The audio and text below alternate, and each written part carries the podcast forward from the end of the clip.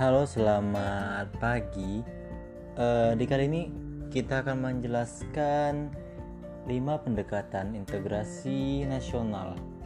Nah, kenapa 5 pendekatan itu berpengaruh terhadap integrasi nasional? Jadi di pagi ini yang cerah ini kalian akan mendengarkan uh, podcast aku yang berjudul integrasi nasional. Di sini uh, ada 5 Semoga ini juga bisa memberi kalian ilmu atau wawasan yang lebih menarik gitu. Nah, yang pertama itu adalah adanya ancaman dari luar. Adanya ancaman dari luar dapat menciptakan integrasi masyarakat. Masyarakat akan bersatu meskipun berbeda suku, agama, dan ras ketika menghadapi musuh bersama. Contoh, ketika penjajah Belanda ingin kembali ke Indonesia, masyarakat Indonesia bersatu padu melawannya, suatu bangsa yang sebelumnya berseteru dengan saudara sendiri. Suatu saat dapat berintegrasi ketika ada musuh negara yang datang atau ancaman bersama yang berasal dari luar negeri. Adanya anggapan musuh dari luar mengancam bangsa juga mampu mengintegrasi masyarakat bangsa itu.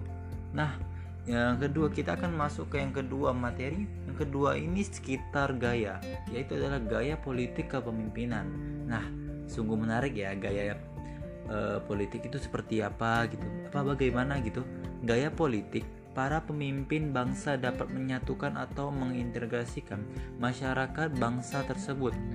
Pemimpin yang karismatik, dicintai rakyatnya dan memiliki jasa-jasa besar umumnya mampu menyatukan bangsanya yang sebelum tercerai-berai. Misal, Nelson Mandela dari Afrika Selatan. Gaya politik sebuah kepemimpinan bisa dipakai untuk mengembangkan integrasi bangsanya. Oke, kita masuk yang ketiga. Yang ketiga ini adalah kekuatan lembaga-lembaga politik. Tentu kekuatan lembaga politik itu sungguh bermanfaat atau sungguh inti Kenapa? Lembaga politik misalnya birokrasi juga dapat menjadi sarana pemersatu masyarakat bangsa.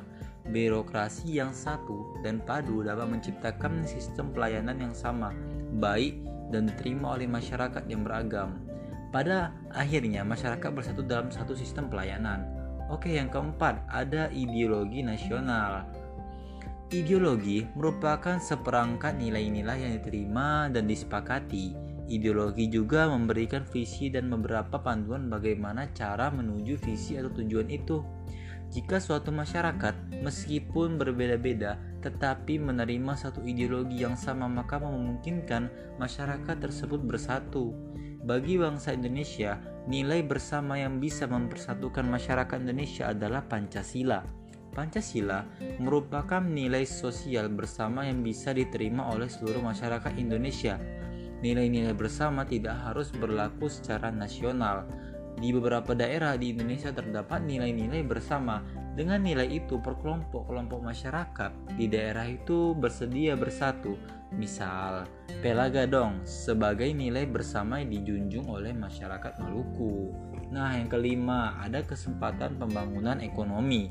Jika pembangunan ekonomi berhasil dan menciptakan keadilan, maka masyarakat bangsa tersebut bisa menerima sebagai satu kesatuan. Namun, jika ekonomi menghasilkan ketidakadilan, maka muncul kesenjangan atau ketimpangan. Orang-orang yang dirugikan dan miskin sulit untuk mampu bersatu atau merasa satu bangsa dengan mereka yang diuntungkan serta yang mendapatkan kekayaan secara tidak adil. Banyak kasus karena ketidakadilan, maka sebuah masyarakat ini memisahkan diri dan bangsa yang bersangkutan.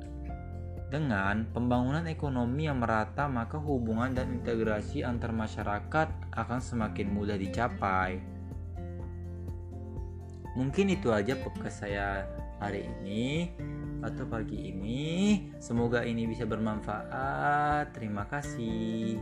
Assalamualaikum warahmatullahi wabarakatuh.